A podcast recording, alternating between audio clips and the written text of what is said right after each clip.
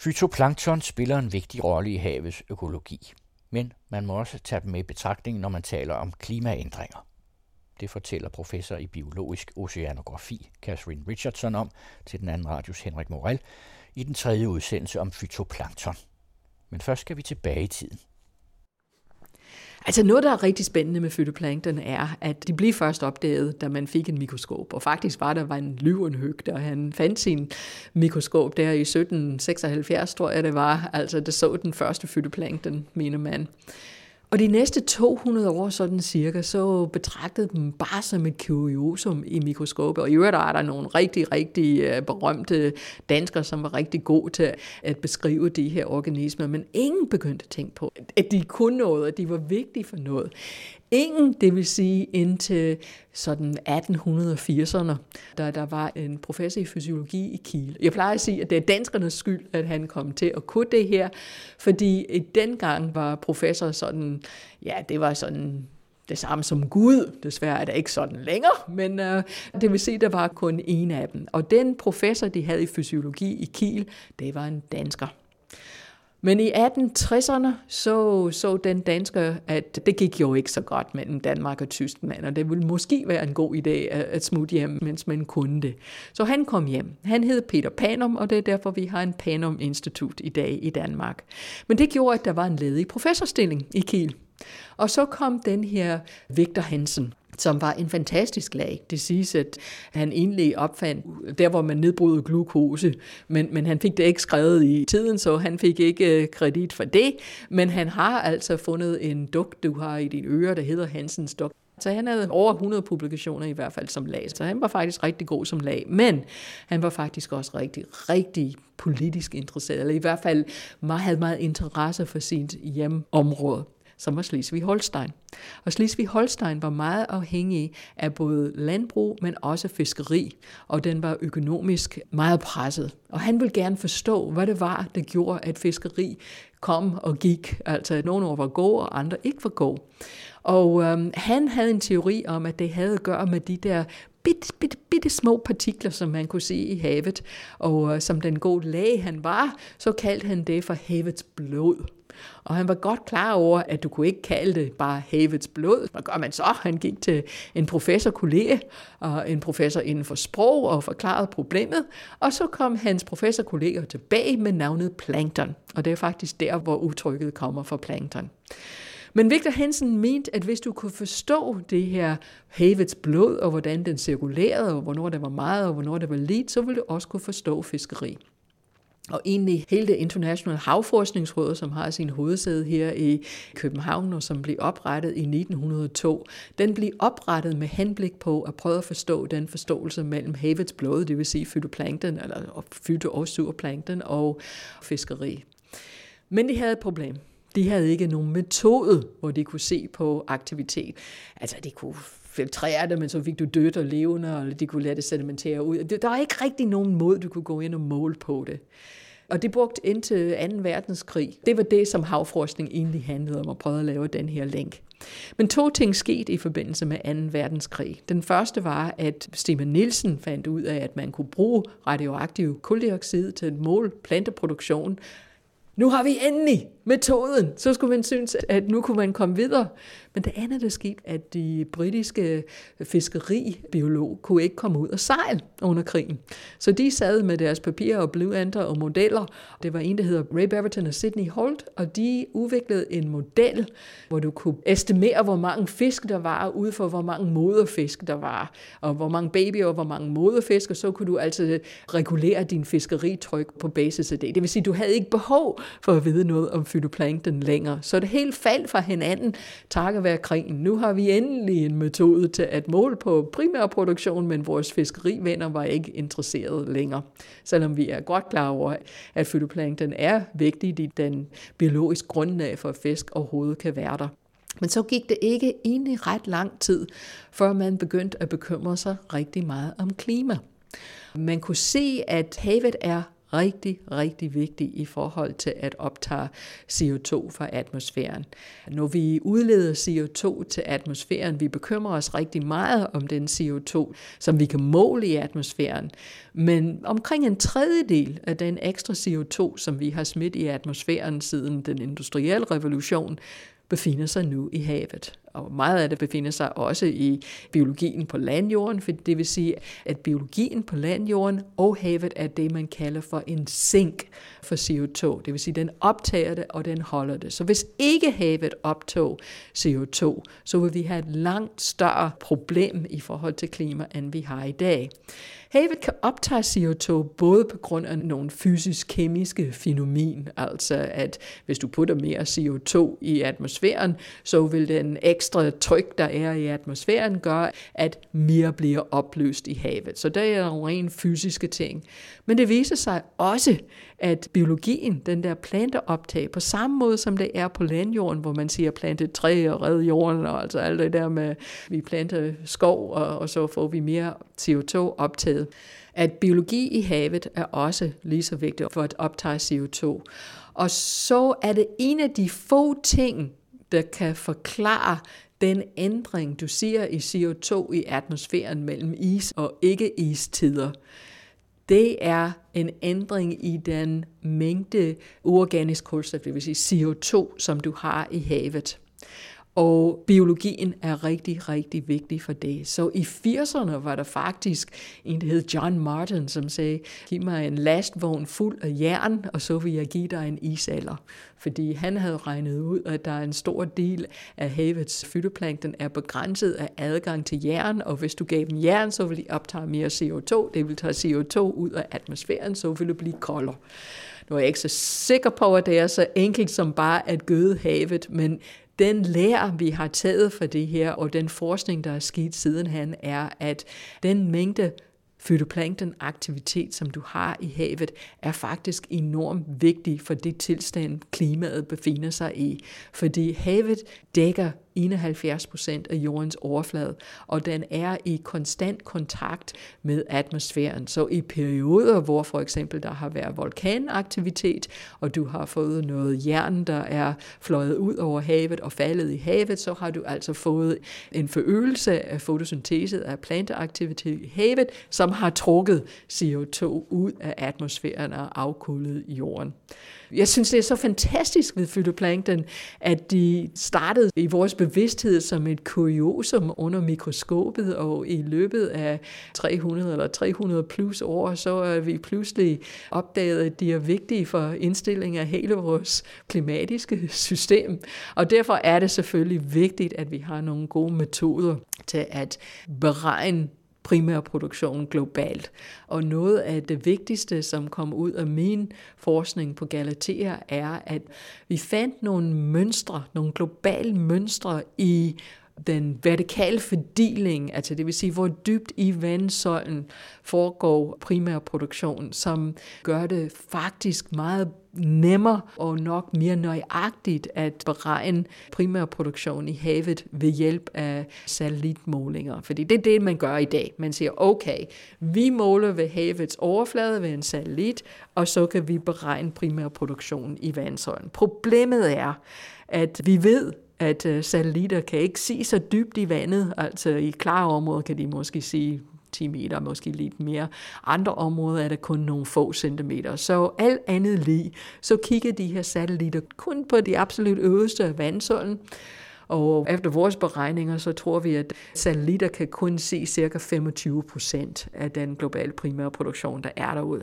Så hvordan estimerer man resten, der er der?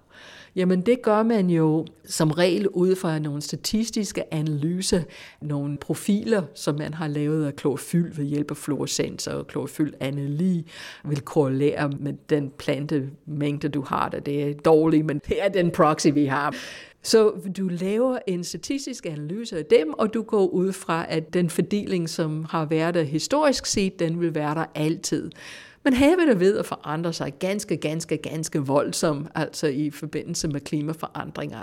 Langt hovedpart af den ekstra varm, som du har nu lagret i nærheden af jordens overflade befinder sig i havet, langt over 90 procent. Så selvom vi måler på temperaturer i atmosfæren, og vi siger klimaforandringer, vi burde i virkeligheden kigge i havet, fordi det er der, hvor du har den største mængde varm lagret. Og det gør selvfølgelig forskel i forhold til lavdeling, og det vil have betydning for, hvor fytoplankton befinder sig, og det vil så have betydning for den primære produktion, som bliver lavet, og som du måler det. Så det som de her nye mønstre, som vi har fundet om den vertikale fordeling, gør, at vi kan være sådan helt up to date. Og hvis vi ved, hvordan lavdeling er, og hvor næringssalt er, så kan vi også se, hvor primærproduktionen vil befinde sig hen, og hvor meget af primærproduktionen vil finde sted i det lag, som satellitten kan se. Så vi kan stadig bruge satellitten til at beregne primærproduktion i det lag, som det kan se. Så med hjælp af de nye mønstre, som vi har fundet, så kan vi altså beregne resten af den produktion ud fra de reelle forhold. Og det er et stort skridt fremad i hav, som forandrer sig hele tiden, takket være klimaforandringer. Men man kan ikke bare blive ved med at lave opvarmning, uden at der sker et eller andet voldsomt. Det er klart, at der sker rigtig, rigtig meget i havet nu, og også for livet i havet ved, at havet bliver varmet op i den grad, som det gør. Og desværre vil jeg sige, at endnu ikke i vores klimamodeller er vi god til at få fat i, hvad de her ændringer i biodiversitet kunne komme til at betyde. De modeller, som bruges af FN's klimapanel i øjeblikket, forudsiger, at der bliver øh, mindre primærproduktion i havet, fordi de argumenterer for, at hvis du får et meget varmt lag, altså, altså endnu varmere lag ved overfladen, så vil det være en stærkere lavdeling mellem den varme, næringsfattige lag og det kolde lag med næringssalt, og at det vil gøre, at der er mindre planteproduktion. Jeg er langt fra overbevist om, at det er tilfældet. Jeg tror altså ikke mindst takket være vores undersøgelse i Sargassohavet, at det er ikke styrken og lavdelingen som sådan, der er vigtig, men de processer, der kan bringe næringssalt op. Så dem skal vi kigge lidt mere på. Jeg tror også, at den dybde, hvor du finder lavdeling, at det er meget, meget væsentligt. Og det ved vi endnu ikke, hvordan klimaforandringer kan komme til at påvirke. Og endelig tror jeg, at biodiversitet, hvilke arter vi har til sted, vil gøre meget stor forskel i forhold til, hvor meget CO2 eller hvor meget kulstof havet havet kan lære for os. Fordi når du får din fytoplankton op i overfladelag, som laver fotosyntese, så er det ligesom, når du siger, okay, vi får et træ, og den får CO2 i sig, men når den dør, eller når den bliver brændt, så kommer der CO2 ud. Så biomasse er ikke CO2-neutral i sig selv, som folk plejer at se. Den er kun CO2-neutral i den omfang, at du fixerer lige så meget kulstof i biomasse, samtidig med, at du fjerner noget biomasse.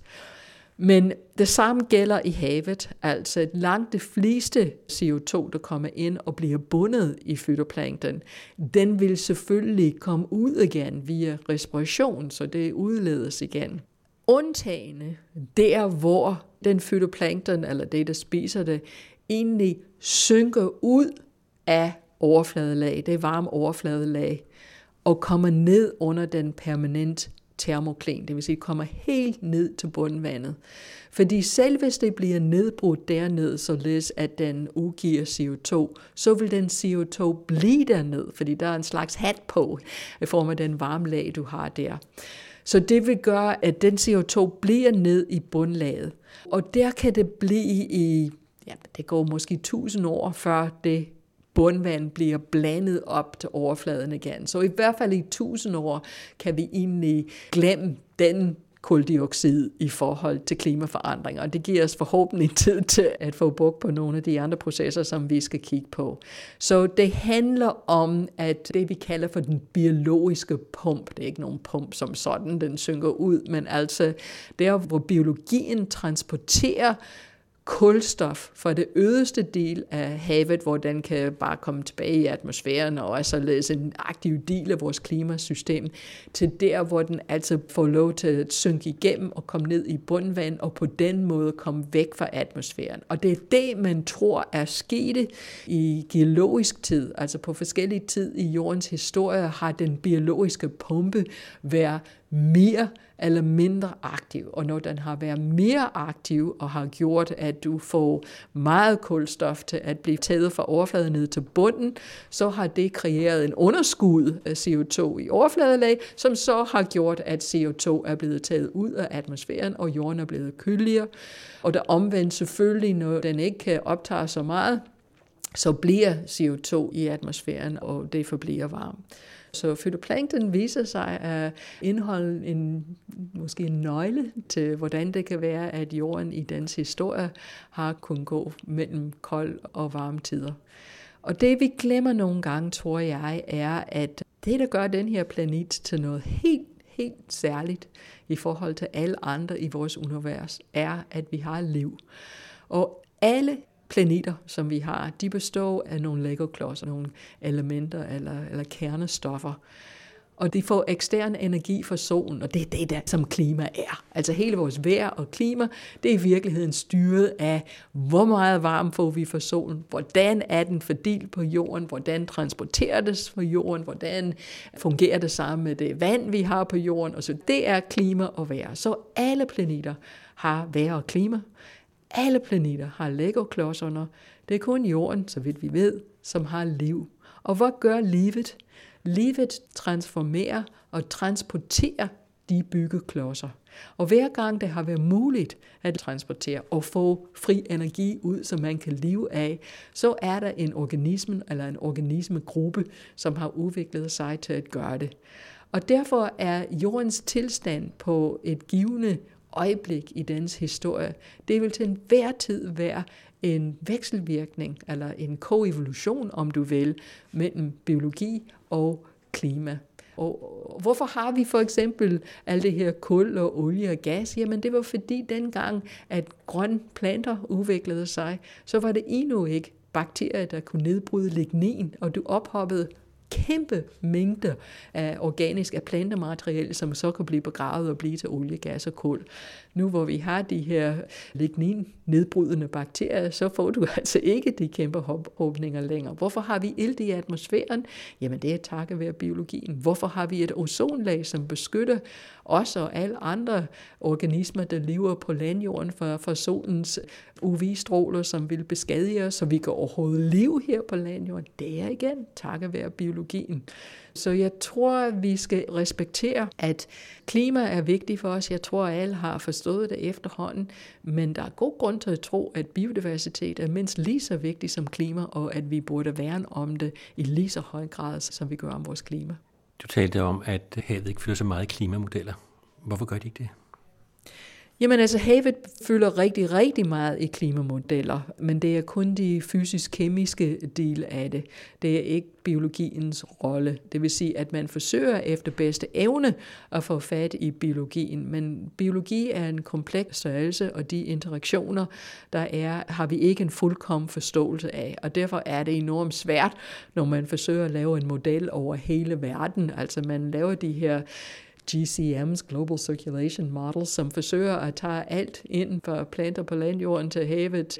Og når vi ikke har så god styr på de biologiske processer, som vi gerne vil, så er det meget, meget svært at få dem i de her store koblede atmosfære- og ocean-modeller. Det er nemmere at arbejde ud fra fysik og kemi, og man tror i hvert fald, at man forstår grundreglerne. Men jeg vil sige, at jeg tror, det er ved omkring biologi. Altså det er faktisk noget, som jeg også arbejder meget med i øjeblikket, at vi forsøger at lave nogle modeller, hvor vi kan i hvert fald lave nogle følsomhedsanalyse omkring, hvad så, hvis biologi i havet, og også på landjorden for den sags skyld, og men det er andre, der arbejder med det, men hvad så, hvis den fungerer på den her måde, så den optager, eller vil du få en ændring? For eksempel, hvis bakterier i havet begynder at reagere på, temperaturen bliver 2 grader varmere, fordi vores politikere har sagt, at det kan være 2 grader varmere, hvad vil det egentlig betyde for alle disse biologiske processer, ikke mindst de interaktioner, som vi får mellem organismer? Så vi er bagud i forhold til at kunne modellere biologi og de biologiske interaktioner. Indtil nu har vores interesse for biodiversitet været uhyre fokuseret på enkelte arter, altså hvor er de hen, og hvor mange er de, mens i virkeligheden er vi ved at forstå i naturhistorisk forskning nu, at det er mindst lige så meget interaktioner mellem arter, som er interessant end arterne selv. For eksempel vi er for nylig blevet opmærksom på, at de tarmflora, som du har, det er vigtigt for dit immunsystem, og altså måske din psykisk helbred. Og det var der ingen, der ville have troet for ikke så længe siden. Og det samme gælder altså mennesker i forhold til jorden. Ingen troede, at mennesker og menneskernes aktivitet kunne påvirke, hvordan hele jorden fungerer, men det ved vi faktisk nu er tilfældet. Så vi bliver nødt til at fokusere vores forskning meget mere på betydning af interaktioner af forskellige arter og forskellige samfund for status for jorden som helhed, og ikke mindst vores egen velbefindende når man laver politiske topmøder og siger, at nu skal vi have højst 2 grader temperaturstigning, så er det egentlig lidt mere komplekst. Jeg er bange for, at det er mere komplekst, end at bare sige, at vi mennesker kan skrue på vores CO2 hen, og så kan vi bestemme, hvor varm jorden bliver i fremtiden. Desværre er det sådan, at når man kigger tilbage i jordens historie, så har der aldrig været et stabilt tilstand, det vil sige en periode, hvor jorden har været 2 grader varmere end ved den industrielle revolution. Det betyder selvfølgelig ikke, at det ikke kan ske, men det har der aldrig været før. Og man kan frygte, at der er andre mekanismer, som træder i kraft, når man varmer jorden ved 2 grader såsom ændrede biologiske forhold, der gør, at øh, pludselig kan skovene ikke optage så meget CO2, eller havet ikke kan optage så meget CO2, eller der sker nogle af de her tipping points, som vi snakker om, altså at man smelter al is på Grønland, eller altså, at man ændrer på, det er ikke Golfstrømmen, men altså den varme, vi får for Golfstrømmen heroppe, som vil så have nogle andre effekter, der vil sådan få hele processen til at køre, således at jorden vil ikke stabilisere sig ved 2 grader varmere, men måske vil fortsætte til endnu et varmere tilstand. Og øh, det er noget, som forskningen begynder lige at kigge på. Jeg tror, vi har haft det problem, også forskningsmæssigt, at vi har en tendens til at fokusere i vores disciplinære søjler. Og vi mener, at hvis vi forstår matematik til bunds, og geologi til bunds, og kemi til bunds, og fysik til bunds, og biologi til bunds, at så kan vi på en eller anden måde bare lægge det hele i en gryde, og så vil vi sådan forstå, hvordan hele systemet fungerer. Og det er klart, så enkelt er det altså ikke. Og der er ved at komme en erkendelse af, at vi er nødt til at studere systemer, og hvordan systemer fungerer, altså kompleks systemer. Det er et øh, meget nørdet venskab, som er absolut i sin øh, ungdom, kan man sige. Men jeg er overbevist om, at det er nødvendigt, hvis vi egentlig gerne vil være i en situation, at vi vil kunne have et bedre billede af, hvordan vores egen aktiviteter påvirker resten af livet på jorden og jordens tilstand. Altså, vi må ikke glemme, at det er faktisk kun for ganske nyligt. Det var 2001, tror jeg, at videnskab endelig kom med den erkendelse, at jorden fungerer som et system, der består af fysisk, geokemisk, biologisk og menneskelige aktiviteter. Og det er interaktioner mellem de fire forskellige typer aktiviteter, som egentlig bestemmer det tilstand, som jorden er i. Og vi forstår ikke de interaktioner godt nok, og det er i den grad et spændende forskningsfelt, som åbner sig nu. De grænser, det er også noget, du forsker i. Grænser og grænser. Vi har vidst siden Apollo-ekspeditionen i rummet, hvor man kiggede tilbage og kunne tage billeder af jorden, at jorden har ikke nogen navlestreng. Den er ikke forbundet til noget som helst. Så når vi har brugt de ressourcer, som vi har her på jorden, så kommer der ikke flere. Det betyder også i øvrigt, at vi kan heller ikke komme af med det, som vi smider væk. Altså jeg bliver nogle gange rystet over, at folk er så chokeret over, at der er plast i havet. Jamen altså sig mig, hvor pokker tror de, at det skulle være hen? Vi har smidt det ud siden 50'erne, velvidende, at det var stort set unedbrydeligt. Og havet dækker 71 procent af jordens overflade, så det kan ikke undre, at det findes i havet nu, vel? Vores ressourcer er faktisk også det, som vi er blevet rig på. Og vi har en kedelig tendens til at tro, at vores ægte valuta er penge. Men i virkeligheden er penge bare en proxy for ressourcer. Når vi får en udskrift fra banken om, hvor mange penge vi har, så ved vi, at vi kan bruge det på myriader måder. Vi kan bare ikke bruge flere penge, end vi har. Og egentlig må det være det samme med vores ressourcer. Hvis vi skal være bæredygtige, hvis vi skal have en bæredygtig udvikling og give fremtidige generationer en god chance for at være her, så skal vi altså også lære at holde os inden for de ressourcer, som vi har. Så man kan se, at bæredygtig udvikling kræver, at vores efterspørgsel for jordens ressourcer skal ikke overstige deres udbud. Men så er vi nødt til at have en bankkonto, kan man sige, eller en, en udskrift fra vores bankkonto, for at vide, hvor mange ressourcer vi har. Og det har vi egentlig ikke.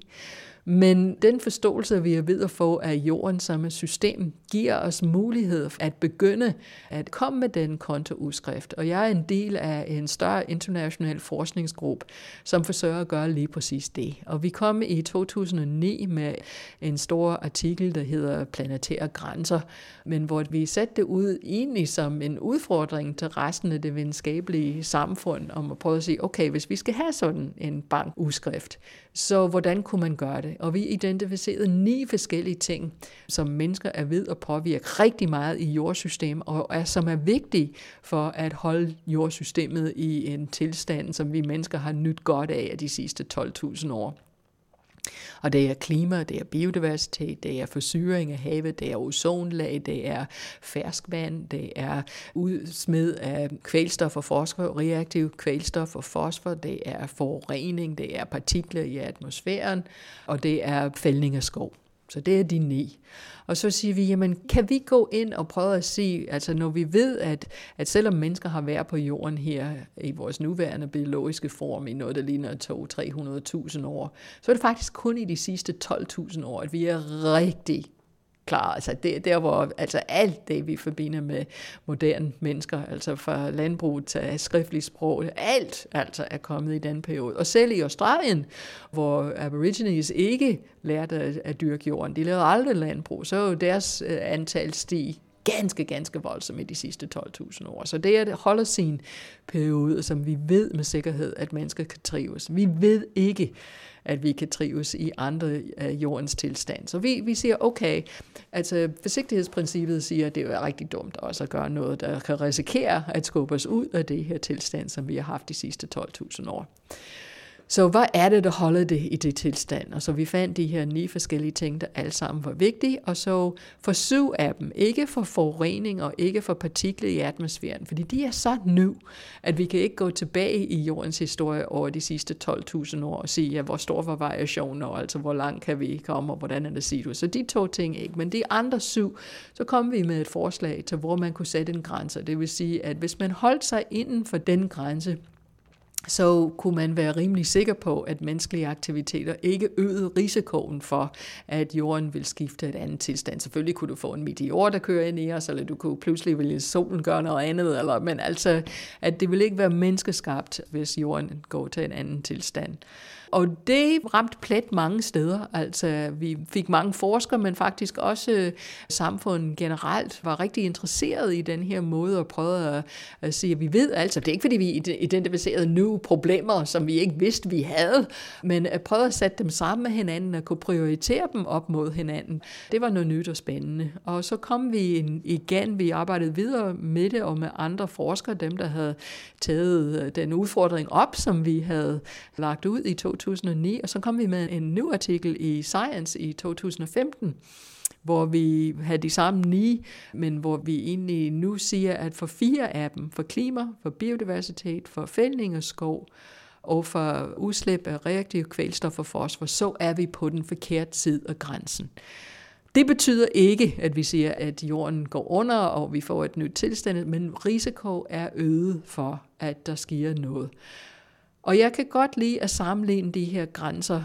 Og mange vælger at misforstå den, tror jeg, fordi fordi de tænker på dem som værende thresholds, eller altså, og de siger, ja, nej, nej, nej, nej, nej, se, vi er på den forkerte side, og der er ikke sket noget.